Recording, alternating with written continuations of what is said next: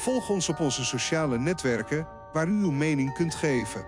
In de beschrijving vindt u de e-mails waarmee u uw verhalen kunt verzenden als u deze wilt delen.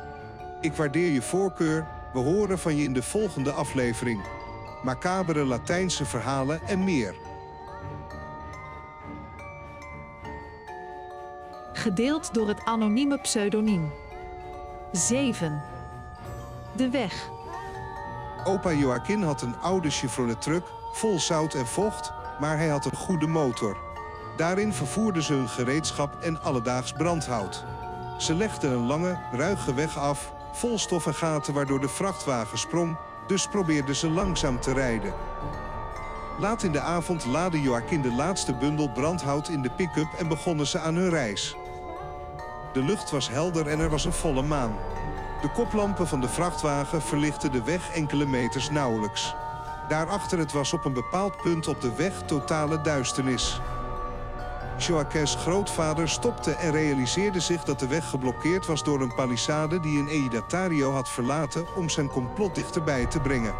Er was maar één manier om er omheen te gaan en dat was langs een weinig bewandeld pad vol onkruid en stenen, waar zelfs de paarden moeite hadden om op het goede spoor te blijven. Heel licht. De grootvader reed achteruit en toen hij bij de ingang van die weg stond, zuchtte hij diep en sloeg een kruis. Joaquin, verrast door hoe nerveus zijn grootvader eruit zag, dacht dat hij hem nog nooit zo had gezien. Hij probeerde er niet over na te denken en leunde met zijn hoofd tegen het glas in een poging wat slaap te krijgen toen ze hun bestemming bereikten. Zijn grootvader was zeer alert op de weg en een beetje snel. Toen hij een oud reuzenrad passeerde, deed een schok van de vrachtwagen Joaquin rechtop zitten. Grootvader reed heel snel over de weg, waardoor de motor brulde en de weg door de gaten omhoog werd getild waar hij passeerde. Wat is er, opa? vroeg Joaquin verbijsterd. Niets, mijn zoon, wacht even. Toen voelde Joaquin een zwaarte, het gevoel bekeken te worden. Er liep een elektrische stroom door zijn hoofd en rug en de haren in zijn nek gingen overeind staan.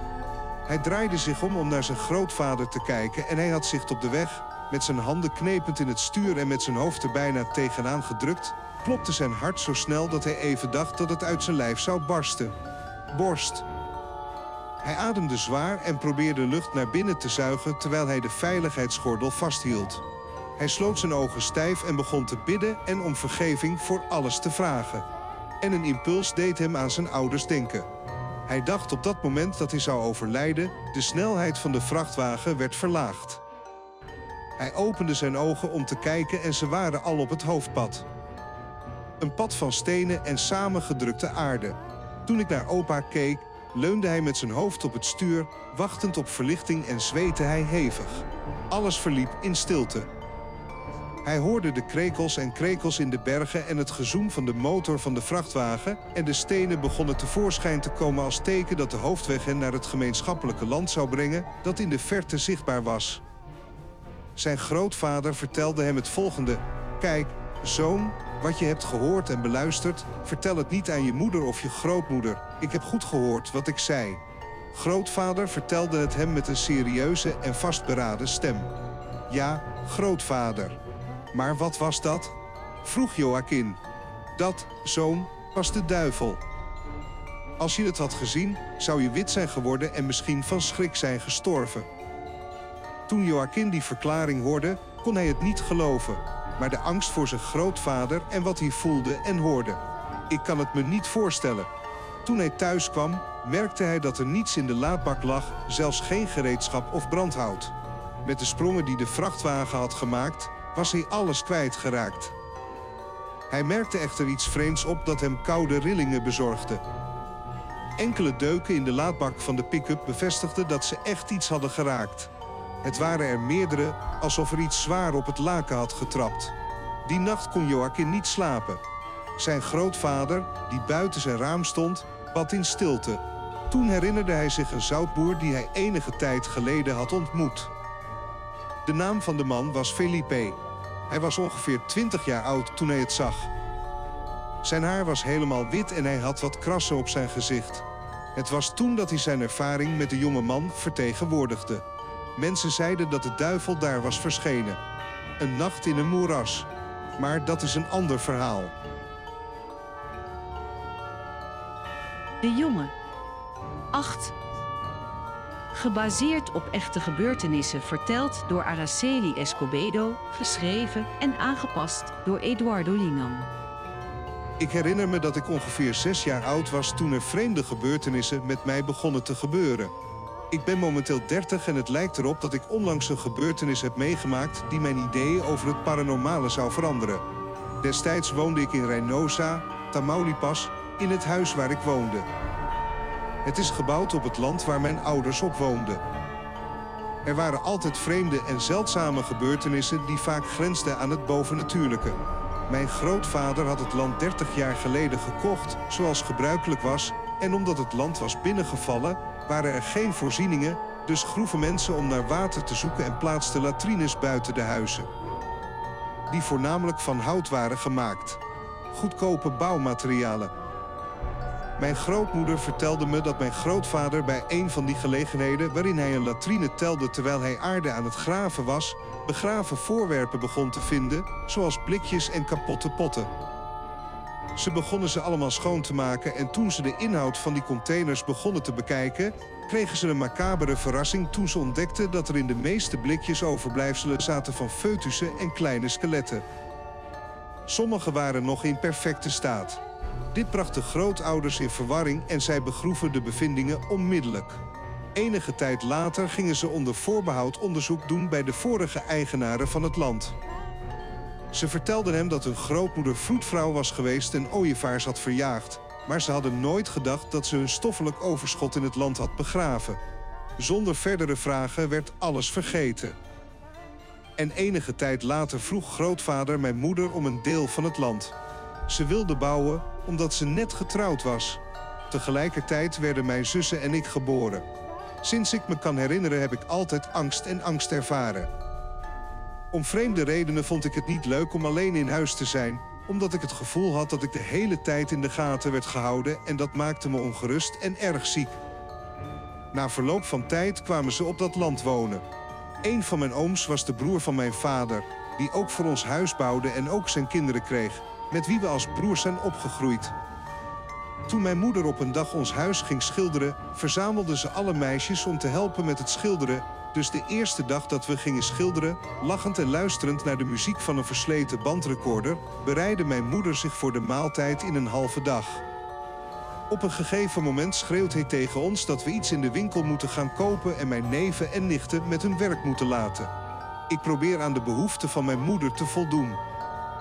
Ik weet niet hoe lang het duurde voordat ik naar de winkel ging en terugkwam, maar toen ik thuis kwam, was mijn moeder daar en maakte ze heftig ruzie met mijn tante. Er was iets gebeurd met mijn neven. Ik hechtte er niet zoveel belang aan, dus ging ik het huis binnen en ging naar de slaapkamer om verder te schilderen. Ik zette nauwelijks een stap in die kamer en ik voelde de sfeer zo negatief en chaotisch dat mijn ogen begonnen te branden. En ik ken ook het nut van kortademig zijn. Dat gevoel van ongewone kou en het tientallen gemompel in mijn hoofd zorgde ervoor dat ik de kamer uitrende. Mijn neven waren er niet meer en ik ging alleen met mijn moeder mee. Bescherm mij, die ook verbijsterd was door de vreemde situatie. De derde van mijn neven, die bang was en weigerde naar huis terug te keren, vertelde me iets dat ik op jonge leeftijd nogal afschuwelijk vond. Terwijl ik de kamer aan het schilderen was, ging een van hen een glas limonade drinken om haar dorst te lessen. Daar zag hij dat er uit het kozijn waar de deur moest komen een klein kind naar buiten gluurde, dat een van hen aandachtig aankeek met een gebaar van ongeloof. Zodra mijn neef hem zag, rende de kleine jongen door de gang, dat wil zeggen, van hen vandaan.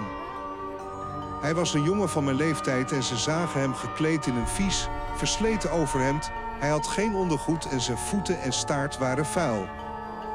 Ze dachten dat hij mijn broer was en riepen naar hem terwijl ze hem gingen halen, roepend kaal: Kaal, kom hier.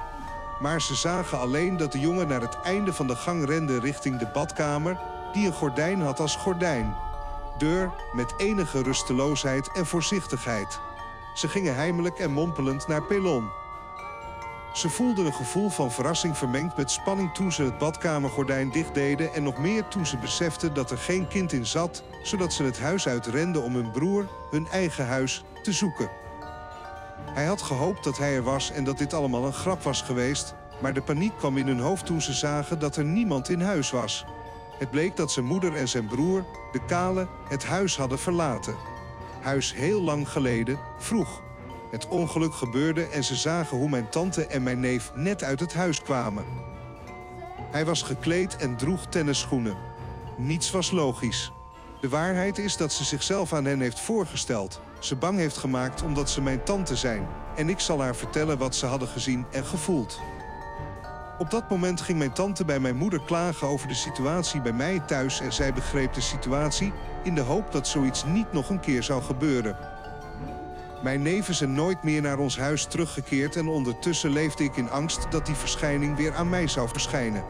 De jongen gebaseerd op echte gebeurtenissen, verteld door Araceli Escobedo, geschreven en bewerkt door Eduardo Lingan, die dit korte horrorverhaal gaf. Velen geloven dat de verschijningen van kinderen niet alleen maar kinderen zijn, dat er echt iets meer achter die onschuldige verschijning zit. Wat zou volgens jou kunnen zijn wat de neven van Araceli zagen? Het uiterlijk van een kind of een demon? Laat ons uw mening weten in de reacties. En vergeet natuurlijk niet om ons te bezoeken. We zullen elkaar horen in het volgende verhaal.